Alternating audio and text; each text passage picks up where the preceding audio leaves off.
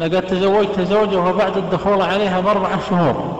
أتاني خبر أنها رضعت من زوجة أخي من الرضاع عشرة أيام. مع العلم أن ولدها وولدتها وزوج المرأة المرضع كذبوها في ذلك. هل هي تحرم علي؟ وهل يجوز لي إذا كان تحرم علي المطالبة في إرجاع حقي التي دفعت عليها؟ إذا كانت المرأة التي أخبرت بأنها أرضعت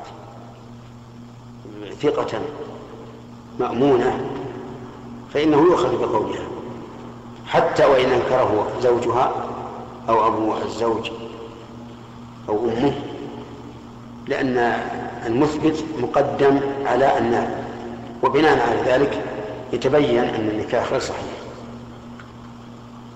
فيفارق أحدهما الآخر. أما المهر فإن كان قد جامعها فهو لها كاملا بما استحل من فرجها. ولا يستحق منه شيئا وأما الأولاد الذين أتوا من هذه المرأة فهم أولاد شرعيون لأنهم خلقوا من وضع شبهة فيكون النسب فيهم ثابتا. فهذه هذه الآن ثلاث أشياء. أولا نقدم قول المرضعة لأنها إذا كانت ثقة ولا نعتبر المخالف ثانيا لها المهر كاملا إذا كان قد جمعه بما استحل من فرجها. ثالثا بالنسبة للأولاد هم أولاد شرعيون لأبيهم لأنهم خلقوا من ماء من وطئ شبهة.